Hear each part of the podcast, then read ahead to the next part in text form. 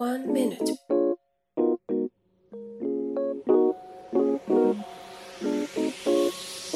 Podcast. Сайн бацгаана уу сонсогчдоо энэ өдрийн мэнд сайхан амарчж байна уу?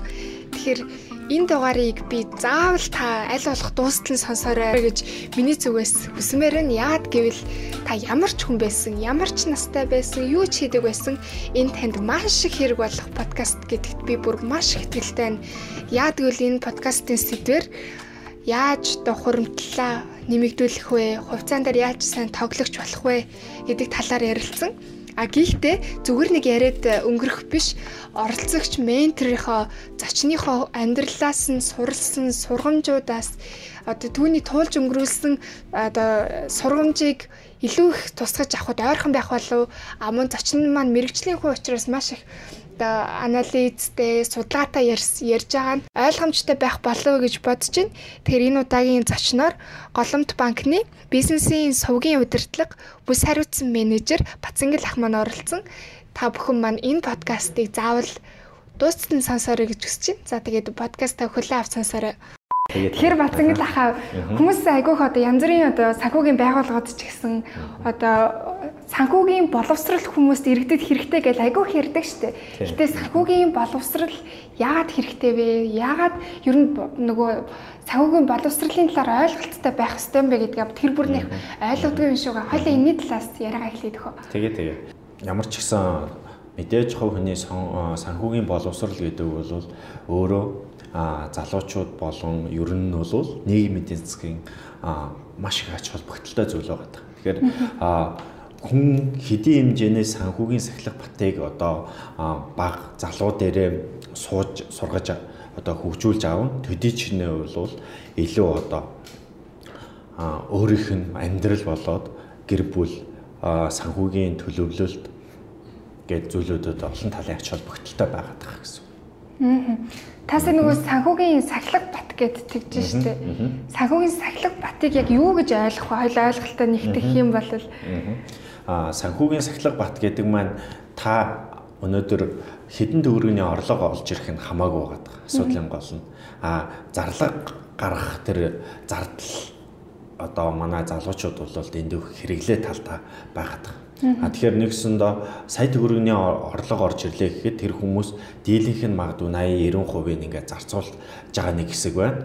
А маш цөөнх буюу одоо нэг 5-аас 10% маань л нэг ойролцоогоор нэг 200-аас 300 мянга хүртэл одоо хуримтлал хийх дайны байгаа. Тэгэхээр миний өсөж байгаа одоо зүйл гэх юм бол юу вэ гэхээр аль болох масс 90% аль болох одоо ингээ хуримтлал багч болтгоо хийя Магадгүй тэр хүн цагийн ажил хийгээд 500 сая төгрөг олж иж болно. Тэр 500-ийнхаа ерөөсөө л 10% 50 сая төгрөгийг сар болгон тогтнол хуримтлуулах нь ач холбогдолтой л гэж байна. Би нэг ийм яриа сонсч байсан байхгүй айгууд одоо яриа гэхүү одоо юу? Дөнгөж одоо ингээд ажил дээр гараад цалин авч байгаа хүмүүс одоо цалин маань юундаж хүрэхгүй байна да. Юу тэр хуримтлуулах нэтэрэ гэдэг Тэг их э, залуу хүн чиглэлгүй баг ямар ч насны хүмүүс ийм яриа хэлж байгаа надад жилэгддэг байхгүй юу? Энэ юунд хуримтлал үүсэхгүй байх шалтгаан мөн үү? Ер нь цалингийн хэмжээнээс хамаарч хуримтлалаа үүсгэж чадахгүй байх чадна гэдэг шүү дээ. Гэтэ ер нь баг байсан ч гэсэн хуримтлал үүсгэх боломж бол байдаг болоо тий. Мэдээж боломж бол байгаа. А залуучууд бидний гол залуучууд гэлтгүй ер нь бол одоо 30-аас 45 насны яг идэвхтэй одоо насны одоо энэ ажил эрхэлж байгаа хүмүүс маань бол Монгол улсын хэмжээнд айгүй хоримтлын хувьд хангалттай байгаа. Нэг статистик хэлэхэд Монгол улсын хэмжээнд 823 мянга өрх гэр байгаа тийм. А тэрний 90% нь банкн дээр ямар нэгэн данстай байгаа. Данстай. А тэрний 90% нь ямар ч хадгаламжгүй байгаа. Ямар ч хадгаламжгүй гэдэг одоо өнгөрсөн жилийн статистик юмнууд байна. А тэгэхээр нэгсэн доо нэг 700 гаруй мянган өрх герман бол ерөөсөө цөөнх хэдэн хадгаламж маань нийт одоо банкны секторын хэмжээнд нэг 30 их 80 төгрөгийн хадгаламж байгаа. 30 их 80 харилцах хадгаламж нийл. Тэрний 90% нь өөрөө ерөөсөө огт орлого багтай хүмүүс хадгаламж байхгүй 10% нь нийт дүнгийнхээ 90%-ийг бүрдүүлж идэх байх жишээтэй тийм статистик судалгаа. Тэгэхээр ер нь бол залуучууд айл болох одоо багч болтоо хуримтлал үүсгэж явах хэвээр. Тэр хуримтлал маань өөрөө урт хугацаанд ингээд хадгалсан тохиолдолд өөрөө өгөөж юмнууд нь өндөр өсөж яадаг байдаг. Сар болгон одоо Монгол улсын үед бол нэлээд жилийн 15% гэдэг бол нэлээд өндөр хүүдээ орно. А олон улсад бол ерөөсөө одоо хадгаламжийн хувь 0 байгаа. Одоо шинэ Герман интерт бол Европын холбоо одоо энэ Солонгос байна, Япон байна. 0 зарим тохиолдолд бүр ингээд татвар байдлаар өгдөг хадгалуусныхаа төлөө магадгүй 3% P өгдөг гэж. Тэгэхээр асуудлын гол нь юу байна гэж хараад байгаа вэ гэхээр ерөөсөө хадгаламжийн хүндээ биш бид нар өдрөө тутмынхаа амьдралын одоо нэг эд эсэ болгож зуршил үүсгэхээр л асуудлын гол нь байна. А тэгснээрээ эргүүлээд тэр хүний ирээдүйд гарах гинтийн санхүүгийн хэрэгцээнд одоо яг л даатгал мэт үйлчлдэг тийм зүйл байна. Ер нь хуримтлал одоо үүсэхгүй нэгэ тэгээд байгаа шүү дээ. Ер нь яагаад үүсэхгүй байгаа юм бол гэж та бодож байна. Аа за яг уу хэд хэдэн шалтгаан байгаа. Тэрний дийлэнх шалтгаан нь бол мэдээж яг уу одоо олон улсын дайны залуучууд маань сэтгэждэг болчоо.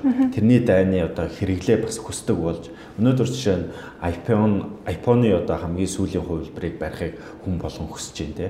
А тэр яг хөө мэдээж байх л байх л та. Гэхдээ тодорхой хэмжээний одоо бас хуримтлалыг бол өөртөө зарцуулж үүсгэхээс л өөр аргагүй. Хэрэглээ хэдийн өндөр байгаач яг орлого бага. Гэхдээ орлогынхаа олон улсын жишг стандартыг ингээ харахаар ерөөсөө хүн 10-аас 20%-ийг тогтмол хадгалж яадаг. А тэр нь 3-аас 4 төрлийн хадгаламжийн хэлбэрээр илэрж яадаг. А урт хугацааны одоо зорилгынхон төлөө магадгүй 20 жилийн зорилгынхон төлөө 5%-ийг хадгалж яадаг. 10%-ийг одоо дунд хугацаа буюу 3 жил дотор гинтийн гарах магадгүй одоо 1 2 жилийн дараа томоохон аял энэ төр зохион байгуулах тэр зүйлдээ зарцуулдаг. А дахиад 5% нь бол илүү богино хугацааны одоо магадгүй 3 сараас 9 сар 1 жил дотор гарах хэрэглээндээ зарцуулаад хүмүүс хуримтлуулж идэг байна. Тэгэхээр ийм орлогын төрлөөтэй болох хэрэгтэй гэсэн байна. Өөрөөр хэлбэл зоригтой хадгалах юм бол илүү үр дүнтэй болно гэсэн үг шүү дээ. Ер нь хадгаламжаа ингээд ихэнх хүмүүс одоо гар дүрээд ч юм уу эсвэл ингээл жоохон хадгалж байгаа л буцаагаал нөгөө хэрэглээрүүгээ зарцуулаад дурсгаад байна шүү дээ. Энэс хэрэгэлэх ч юм уу энийгээ зүгээр сахилах баттайгаар том одоо эрсдлийг хаана гэсэн зорилготойгоор хадгалахын тулд тийм зөвлөмж өгд юм болов. За эхлээд давхар хадгаламж нэгэрч гэдэг юм уу? Тийм зөвлөмж өгд юм болов? За ер нь бол маш олон зөвлөмж нийтлэлүүд бол гардаг. Ямар ч тохиолдолд одоо чи урт хугацааны зорилгынхаа төлөө хоримтлж байгаа хоримтл руу хөрөхгүй байх ёстой гэдэг. Харамсалтай нь манай хүмүүс маань бол яг өнөөдрийн байд бодит байдал дээр бол дийлэнх нь ерөөсөө л нэг сар болгон за хамгийн ихтэй 50 юм уу 100 мянгаар татуулж байгаа. Тэр нэг жилийн дараа за 100-аар татуулаа гэхэд нэг сая 300 мянган төгрөг болдог. Тэгээд тэрийгэ буцаагаад 100 хуулингийн тэр жилийнхээ дотор эргүүлээд үрчдэг тал асуудал юм байна. Тэгэхээр хадгалам төрөний миний хэлсэн шиг яг ингээд төрөлжөлтөө аягүй сайн бариад тэгээд яг нөгөө тууштай байх гэдэг зарчмыг бариад ингээ хуримтлал үүсгэх юм бол түрүүний залуу шиг одоо одоо Америкийн нөхрийн урамж бонус цалин гэдэг шиг ингээд өсөө сая доллараар хуримтлах боломжтой. Аа би яг нөгөө банкнд ажиллаад харилцагчийн үйлчилгээний менежер гэдэг нөгөө дансны дэг ажилтан байхад салбар дээр ингээд хуримтлалын ингээд ач холбогдлыг танилцуулаад ерөнхийдөө ийм ийм ач холбогдолтой гэхэд бол хүмүүс айгүй их сонирхдаг. Тэгээ гол одоо хилдэг ач холбогдол нь юу байсан бэ гэхээр ер нь бол тухайн үед 5 жилийн өмнө шүү дээ тэр чинь сар болгон та 50 мянган төгрөгийг ингээд хуримтлуулад явхад нэгсэндээ хүүхд чинь өнөөдөр нэг настай 18 нас хүртэл бол ойролцоогоор 50 сая төгрөг 49 сая төгрөгийн хуримтлалтай болох юм байна. За тэр хуримтлалын ерөөсөө тухайн үед бол хадгаламжийн хүү 10 орчим хувиар ингээд тооцоод үзэхэд бол 38 сая төгрөгийг нь бол банкнаас цэвэрхүү болгож өгдөг. 38 сая төгрөг. А эсрэгээр нь ерөөсөө тэр хүний орсон орлого нь бол 10.8 сая төгрөг. Тэгэхээр ер нь бол нөгөө compound interest буюу одоо нийлмэл хүний арга гэдэг бол цаанаа ийм нийгмийн эдийн засгийн ач холбогдолтой явж байдаг. Энийг бол хүмүүс дийлэнхтэй мэдгүй. За магадгүй 50 мянган төгрөгөө эхнэр нөхөр хоёр хуримтлуулахад үнэхээр асуудалтай байж байж магадгүй. Усаас бэлэн одоо 20 мянган төгрөгийг орлого багтаа яригдад бол өгж штэ тийм. Тэгэхээр тэрийг хатмат таталтанд холбочдөг гэсэн доо. Тэгэхээр тэр хүний хувьд бол 30 мянган төгрөгийн асуудал.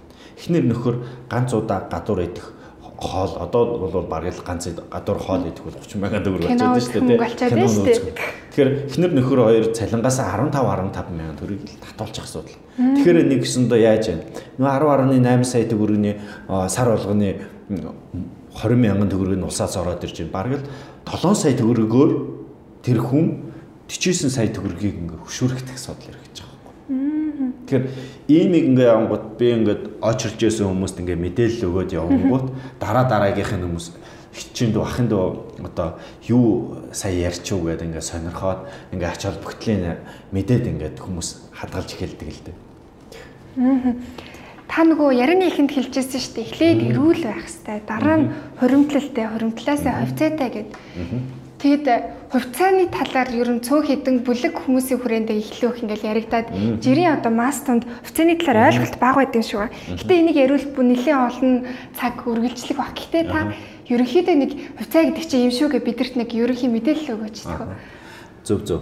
А за эхний ээлжинд хоёлаа бол ямар ч гэсэн залуучууд маань эхлээд хуримталтай байх хэрэгтэй юм. Аа магадгүй жилийн дотор нэг 500 мянган төгрөг сая төгрөгтэй болох хэрэгтэй номер.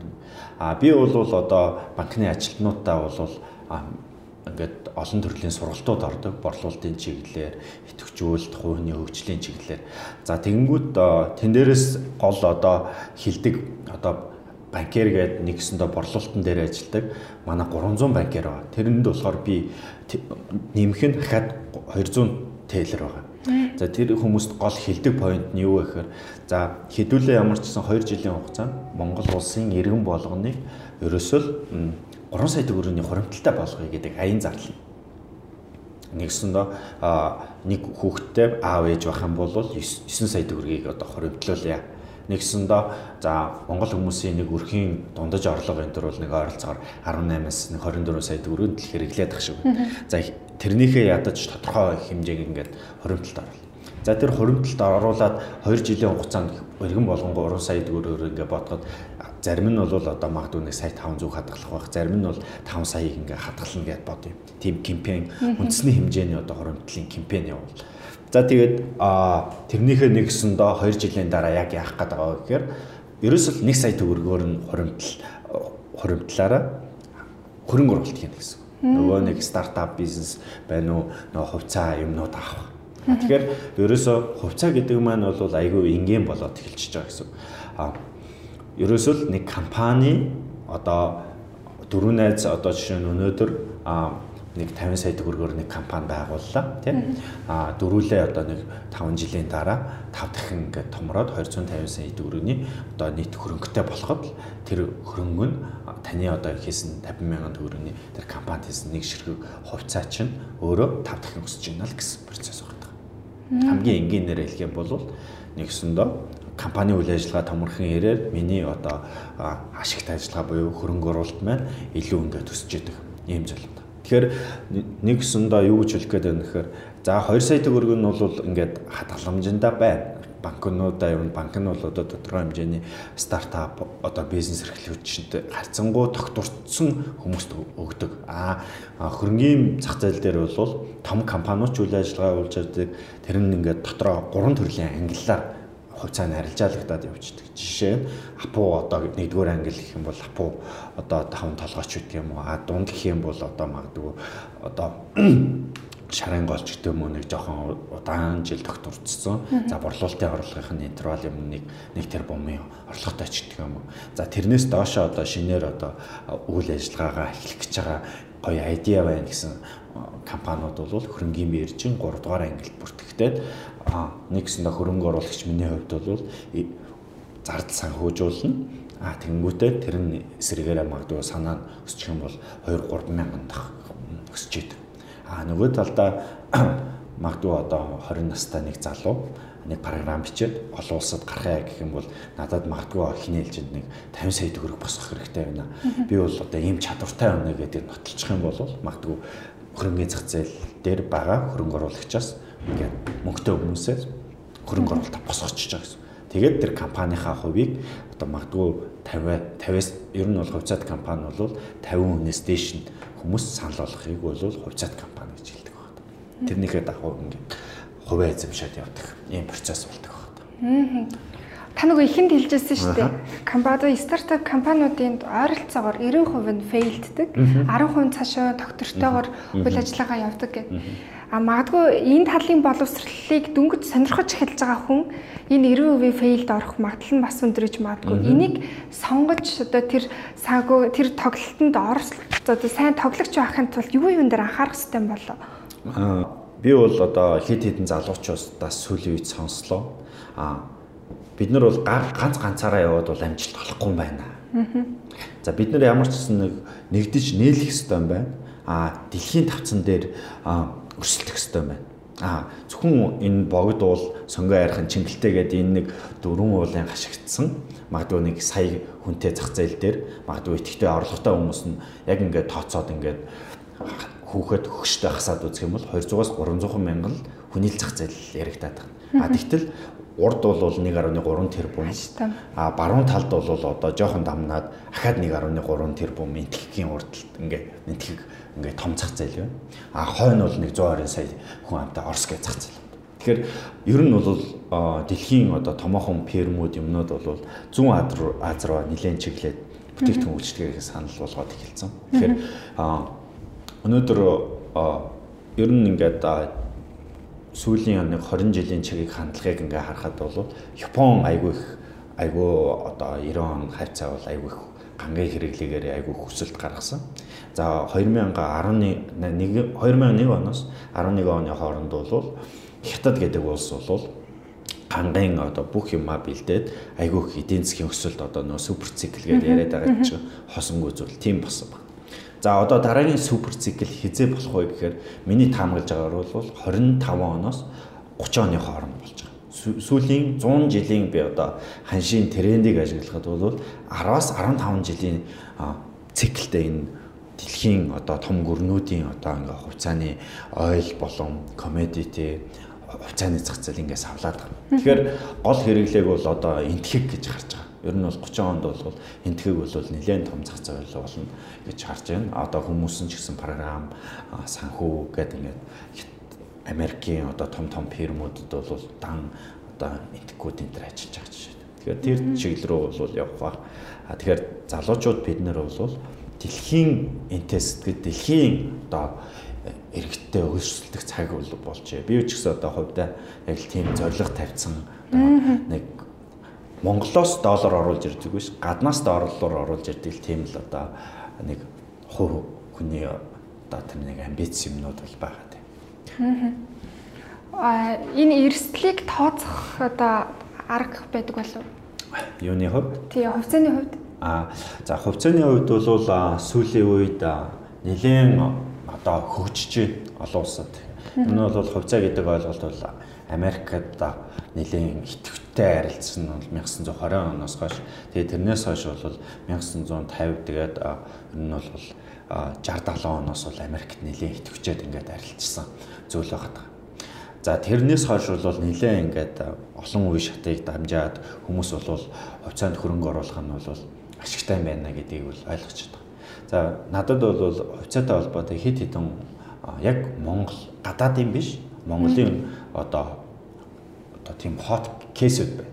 Жишээ а 1995 онд жижиг таван толгой гэд манай нэг урагшаа нөөц зөөдөг компани байдаг шүү дээ тийм жижиг таван толгой орон нутгийн өмчт өмнө говийн хараа. За тэр компани хувьцаа бол 95 онд нэг хувьцаанд 5000 төгрөг 100 төгрөгөөр гарч ирсэн байна. 100 төгрөгөөр. За тэгээд тэр компани хувьцаа 2001 онд нөгөө Америкийн нэг ихэр цамхаг нурсан да. Тэр үеэр тий тэр үеэр ерөнхийдөө санхүү нэлээд буцтмал байсан. Ер нь дэлхий даяараа гэсэн. Тэгээ тэр үеэр хямралын он жилүүд болвол нөгөө талдаа хөрөнгө оруулагч маш их боломжийг олгож байдаг зүйл. 5 төгрөгтөр ирж байсан баг. Тэр хувьцаа. Үнэлгээ нь 20 дахин унжээсэн.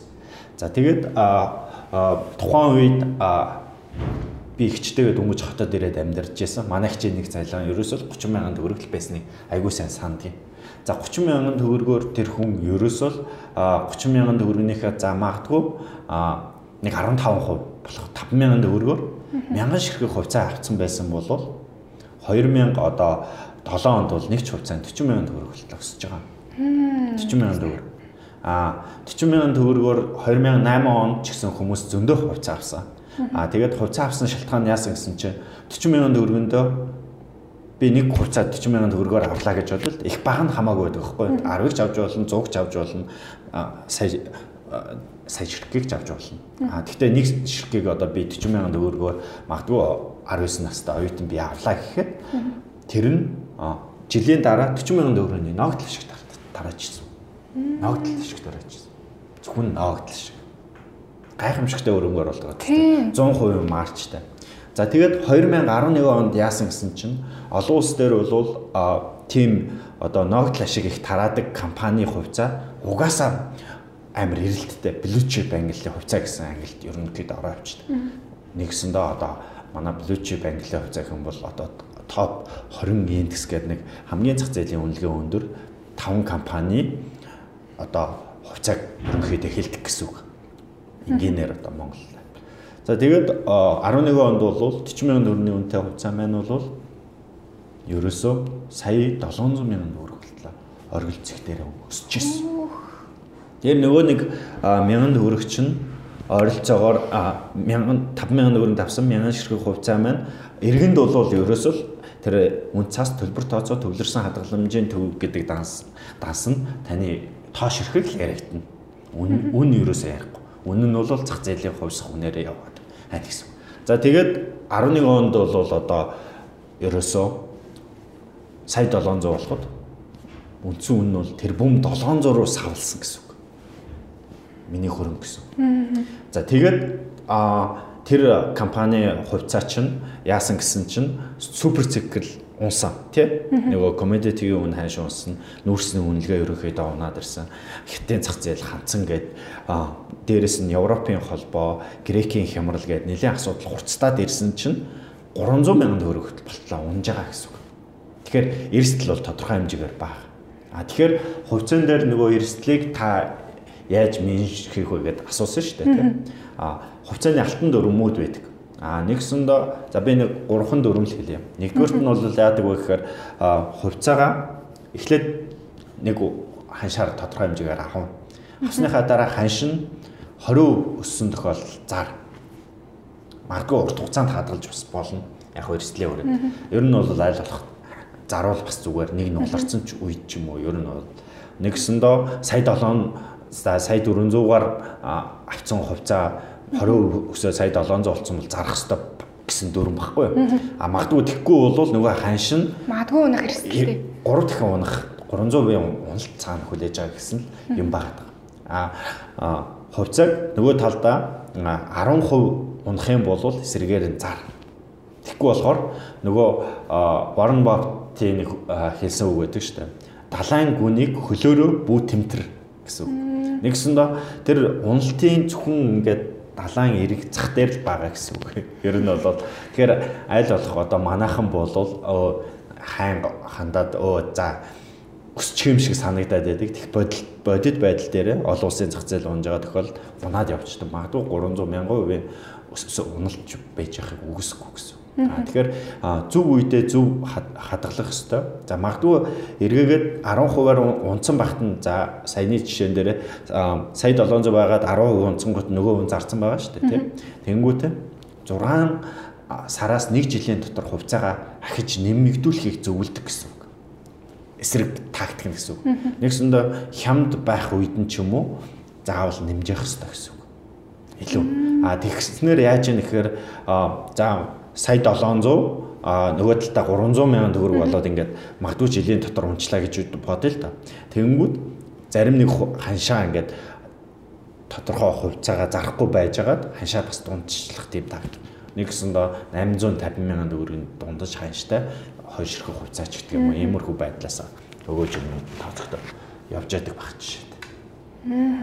За өөр нэг жишээ нь бол манай одоо Монгол улсын барометр гэдэг TRQ буюу оюутлын хувьцаа байдаг.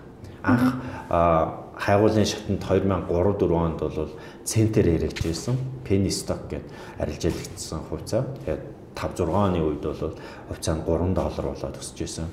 А 7 доллар болтол өсөөд а 2008 оноос бол ханшин нуунаад 1.5 доллар хүртэл амжижсэн. Тэгээд 1.5 доллар дээр би нэг тооцоол хийж үзсэн. 10 сая төгрөгийн одоо хувьцаа авахад бол 2011 онд нөгөө гаргаж ирэхэд бол 2700%-аар өссөн баг чи. 2000. Тэгэхээр 270 сая төгрөгийн боломжийн талаар яригдж байгаа гэсэн.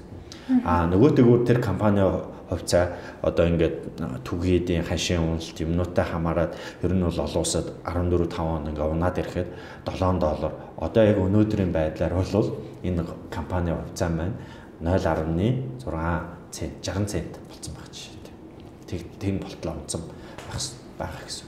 Тэгэхээр магадгүй одоо нэг 6-аас нэг жилийн дараа ч юм уу оюутлага хувьцаа за үнэхээр одоо төр засгаас хамааралтай шийдвэр сонгуулийн дараа ч юм уу эрэг болоод ирсэн тохиолдолд би бол одоо 18-аас 25 насны залуучуудаа иймэрхүү компани хувьцааг аав гэж зөвлөмөр байгаа байхгүй ягаад гэвэл дэлхийн энтэй одоо орд дэлхийн топ одоо 10-д орох зэсийн орд байгаа даа. Тэгээд зэсийн хэрэглээ гэдэг нь өөрөө бол одоо маш хэрэглэгдэж байна. Цаашдаа ч гэсэн нэлээд хэрэглээ. Одоо шин нэг цахилгаан одоо машин хийхэд бол нэг ойролцоогоор 60 кг одоо цэс хэрэг болдог гэж байгаа. Тэгээ сүүлийн одоо энэ 300 400 км-ийн хурдтай явж байгаа метро юмнууд маань бол дан цэсийн нөгөө соронзон таталцлын юм дээр боловсруулах гэж байна. За Америкт гэхэд нэг 70 давхар одоо өөрөө өөрийгөө цэнгэлдэг одоо тийм одоо байшин босцсон байна. Тэр нь бол төлхөө одоо нөгөө батарейгаар ажилладаг гэсэн сэргээгдэх эрчим хүч. Ямар ч гадны их усөр одоо цахилгаан ашиглахгүй. Тэр мэн батарейнд өөрөө зэс мэн айгүй их орж яадаг. Гэ бодохоор ер нь бол аа нэмэх нь одоо бас хүмүүсийн ахуй амьдралд бол манай монголчууд нөгөө бас их ухаантай ард юм уу? Зэс зэс аягнаас нөгөө цайгаа ууж яадаг. Тэгэхээр ерөнхийдөө нөгөө галтооны хэрэгсэл ерөнхийдөө зэс ер нь давмгаалах магадлал өндөр. Яагаад гэвэл өөрийнхөө гадаргуу дээр нэм бактери ерөөсө тогтоодгүй тийм онцлогтой. Тэгэхээр ер нь бол дунд хугацаанд бол 25 оноос хойшоо бол магадгүй commodity-гийн 30 оны одоо супер цикл дээр бол зэсийн одоо хэрэглээ магадгүй би залуучуудаа нэг 10 жил чи энэ компаниг 500 сая төгрөг чи нэг цагийн ажил хийж байгаа болоод хийчгээ гэж хэлэх гээд байгаа гэсэн. 500 мянган төгрөгийг чи хүн мэдгүй ахтаа л өрцөн байдаг шүү дээ. Яг ингээд сайн санхугаа ингээд эргээд тооцоод үзэх юм бол ер нь бол нэг залуучууд бидний бол нэг за нэг бертахан 3 өдрийн шоудлт юм өнгө гэсэн үг. Яг ингээд тэгж бодох хэрэгтэй. Энгийн нөгөө урсгал зардалтай хүн мэдлгүйгээр агих хүн гарцсан байдаг шүү дээ. Ер нь та сая хэлсэн шүү дээ. Хямралын үед гээд хямралын үед ер нь юу хийх ёстой юм бол ямар нэгэн байдлаар одоо магадгүй хувьцаа авах ч юм уу эсвэл ямар нэг үйл хөдлөх ч юм уу үед хийх тохиромжтой тийм үйлдэлүүд байдаг юм болоо. А мэдээж байлгүй байх уу. А олон улсын одоо жишээ нь томоохон одоо хувьцаа нэмэр хичэлтэнгүүд том том одоо сан удирж байгаа хүмүүс бол ерөөсөө тийм одоо супер гоц ухаантай биш байгаа хямар хямралын зөв циклийг зөв өөртөөр ашигласандаа амжилтын үндэс нь багтдаг гэсэн. Тэгэхээр өнөөдрийн байдлаар бол хэд хэдэн хувьцаанууд бол олон улсын одоо энэ нөхцөл байдлаас хамаарат ингээд 3 4 5 дахин ингээд унцдаг. Ер нь бол одоо Монгол ч гэсэн энэ одоо хайртай хайртайхан бол нэлээд боломжийн хувьцаанууд бол би бол одоо байна гэж харж байгаа. Тэгэхээр ийм компаниудын хувьцааг бол ер нь бол аль болох ингээ авч яасан дээр гэсэн. А дээрэс нь залуучууд бол энэ хямралын он жилүүдийг данилмдуулаад аль болох үл хөдлөхөд хөрөнгө оруулалт хийвэл айгүй зүгээр байж идэг. За би жишээ нь яг өөр дээр бодит болсон кейс юу вэ гэхээр 2005 онд би сургуулаа төгсөж байсан. Тэгээд би нэг жил би өөрийнхөө 200 мянган төгрөгийн цалинтай байсан. Тэрнийхээ би 50%-ийг 100% хориглолт өгсөн. Тэгээд би жилийн дараа би нэг жил 6 сарын дараа би сая 600 2 сая төгрөгийн хуримтлалтай би өөрийнхөө орлогоос болцсон байсан. А тухайн үед би өөрөө банкнд ажиллаж байсан. Аа банкнаас болохоор ямар санал тавьсан бэ гэсэн чинь 20% төлөөд ажилтнуудаа орон сууцны зээл олгож байна. За тэгээд тухайн үед байрны үнэлгээ бол нэг ойролцоогоор нэг 20-с 30 сая төгрөгийн үнэтэй байсан бай. Үе. Тэгэхээр 30% гэдэг чинь 20% урьдчилгаа намайг төлөхийг шаардж байсан. Тэгэхээр би нэг 22 орчим сая төгрөгийн байр авахд ойролцоогоор нэг 4 сая 400-ийнхаа би 50% нь бараг л ингээд зүгээр нэг жил гараа сайн ингээд чаленж хийгээд ингээд зорилго тавиад бүр яг ингээд хувийн төлөвлөгөө боловсруулаад миний тэмдэглэлийн дэвтэрт энэ график юмнуудыг ингээд зорилго яг ингээд тавьсан гар үсэг зурцсан одоо тийм амлалтын бичиг шиг юмнууд ингээд байж дэвтрийг харах юм. Тийм яг тийм зүйл яж байдаг. Тэгээд а харамсалтай нөгөө хүмүүс тухайн үед бол эдийн засаг ингээ хямарж байна. Зээл хийдэг айгүйх бага мэддэг байж л тэ. Тэгээ одоо бол хүмүүс нэг хайцсангүй их айгүй сайн мэддэг. Тэгээ хүмүүс яасан гэсэн чи жил гарна нөгөө барилга нь ингээ ашиглалтанд ороод 7 хонд ашиглалтанд орж байгаа. Тэгээ тухайн үед бол анх захиалга авахад байрны үнэнийг ер нь бол 400 орчим мянган төгрөг гэсэн. Тэгээд 3 жилийнхэн өмнө 250 мянган төгрөглөөр захиалга авдаг гэсэн. Намайг оюутныг 2 дугаар курс авахд. Тэгэхэд 250 мянган төгрөгийг пүүх ямар үнэтэй юм л гэж боддог байсан. Тэгэл 400 мянгаыг бас ингээд захиалга өгч хахад пүүх ямар үнэтэй л гэж боддог байсан. Яг өнөөдөр одоо тэгвэл тийм байх нэ тий. Тэгээд тухайн үед би яг нөгөө зах зээл 8 9 он нийт эдийн засгийн хувьд бүүн болоод зүгээр ингээд ингээд зарын утас руу ингээ уцтахад ерөөсөө ингээ бүх зарагдсан зарагдсан зүгээр царлах шиг зарагдж байсан хүмүүс нөгөө жоохон мөнгөтэй болцсон. Тэгээд тухайн үед яг миний одоо тэр захиалсан газрын тэр орчмын байрууд 650 мянган төгрөг хүртэл үнэтэй байсан. А тэгтээ барилгын компанитайгаа гэрээгээд би 530 мянга анх авч ирсэн зээл. За тэгээд тэр зээл маань яасан гэсэн чинь 2000 а 18 9 оны хямралаар бол би нэг Солонгос руу ажиллаж амьдраад нөгөөх мөнгөө төлөх гээд байдаг. Нөгөө байрны нийт ингээ өртөг зээл мөнгөө ингээ бодоод эргэн төлтөө хийгээд ингээ нийт өртгөө бодохоор 4 за нэг 44 сая төгрөгийн таагдах гад байдаг. Монгол зах зээлийн үнэлгээ нь яг 9 онд ч штэ 30 сая төгрөг болоод байдаг. Тэгэл ямар ч гэсэн би энэ нэг зээлийг одоо эргэн хүнийхээ үүргийг биелүүлээ төлөх ёстой гэж төлсөн. Тэгээ Монголд ирсэн 11 онд байрны үн 66 сая төгрөг. 13 оны яг оргил оргил сизнаар бол одоо миний 20 өрөө байрыг бол 100 сая төгрөгөөр авъя.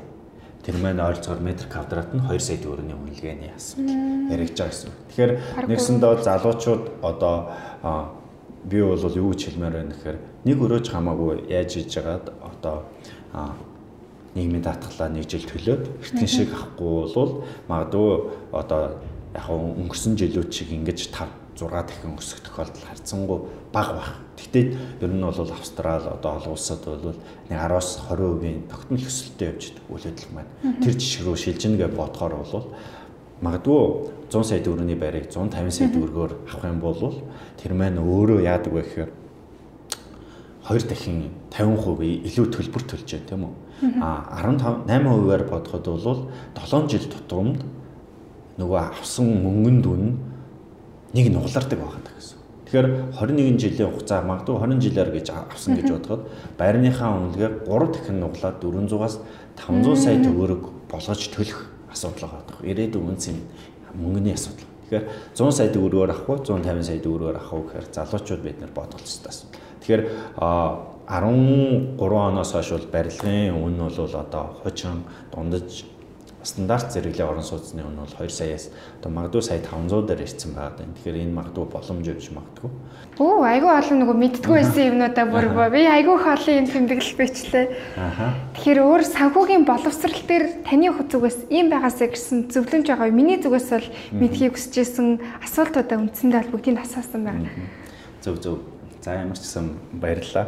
Аа яг уу манай Монгол э, би өөрөө одоо манай аав одоо Саятанбар гэдэг энэ жолооч байсан залуудаа. Би бол өөрөнгө хар орон гэдэг суманд бол өсөж төрсөн. Манай аав бол одоо суманда бас ерөнхийдөө тэргүүлэх одоо бас ийм жолооч хоёр алтан гац юмнуутай ийм хүн байсан. За тэгээд аав ээжээс өссөн тийм нэг үнэт зүйл юмнууд багт. ямар ч гэсэн худлаа ярихгүй хүмүүст одоо итгэлийн дааж амьдрах хэрэгтэй гэдэг. За хоёрт нь гэдэг юм бол гэх юм бол миний амьдралд одоо гүн толб суусан 3 4 том зүйл болсон байна. Миний амьдралд. Магадгүй одоо залуучууд гэсэн суралцах хэрэгтэй гэсэн. А тэр юу гэж хэлэх гээд байна гэхээр а манай одоо төрсөн миний дээр байдаг нэг ихч маань бол 2000 1995 онд бол зүгээр нэг шүдний эмчийн буруутаагаас ингээд нас орж ирсэн. 18 наснда сумд байдаг. Ингээд дээд шүдээ ахуулаад тэгэл тэр нь буглаад тэгэл хотод ямар ч имчилгээгүйгээл 18 наснда нас орж ирсэн. За хоёр дахь зүйл нь болохоор 2 жилийн дараа манай аав элэгний хорт хавдраар нас орж ирсэн. 50 настай дүнгэж тэтгэврт гараад. Аа дараа нь болохоор 1900 а 2009 онд намайг одоо Солонгост ажиллаж амьдарч байхад ээж минь мөн багц элэгний хор тавдраар ингээд 2 жил имчилгээ хийлгээд ингээд нас орж байсан. Дараа нь манай ихч одоо дөнгөж 35 6 нахын наснаасаа БЦ вирустэй Б-гийн төрлийн одоо хэлийг вирустэйгээд 43 нас хүртэл 6 жил одоо нүдэн дээр шаналж байгаад өнгөрөөсөн.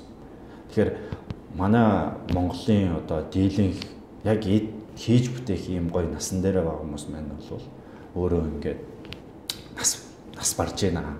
Миний бодод амьдрал дээр гарсан гэсэн. Тэгэхээр миний дараагийн үе одоо би яг одоо ингээд 37 8 хүрчлээ ингээд өнгөрч болно. Гэтэ бидний өөрхөө ийм байж болохгүй л гэж хэлдэг.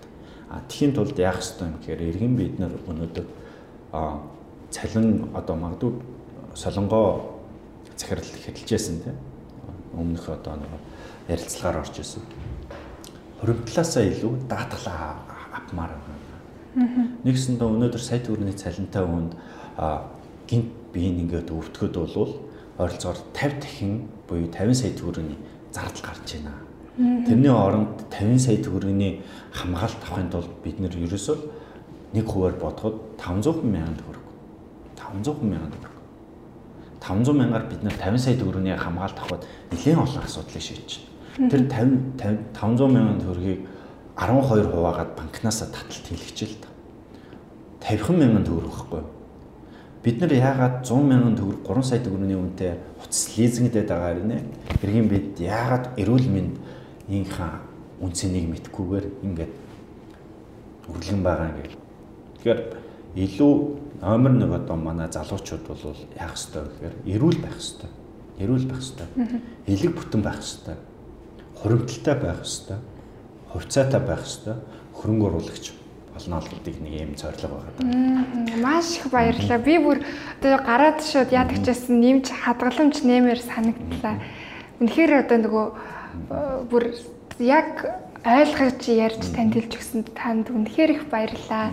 Энэ подкастын ард бас айгүй олон залуучууд байгаа. Олон юм таны ярианаас ойлгож ухаарч бас санхүүгийн боловсралтай бас шинэ юм нэмж ойлгож байгаа хаа гэж бодож байна. Маш их баярлалаа.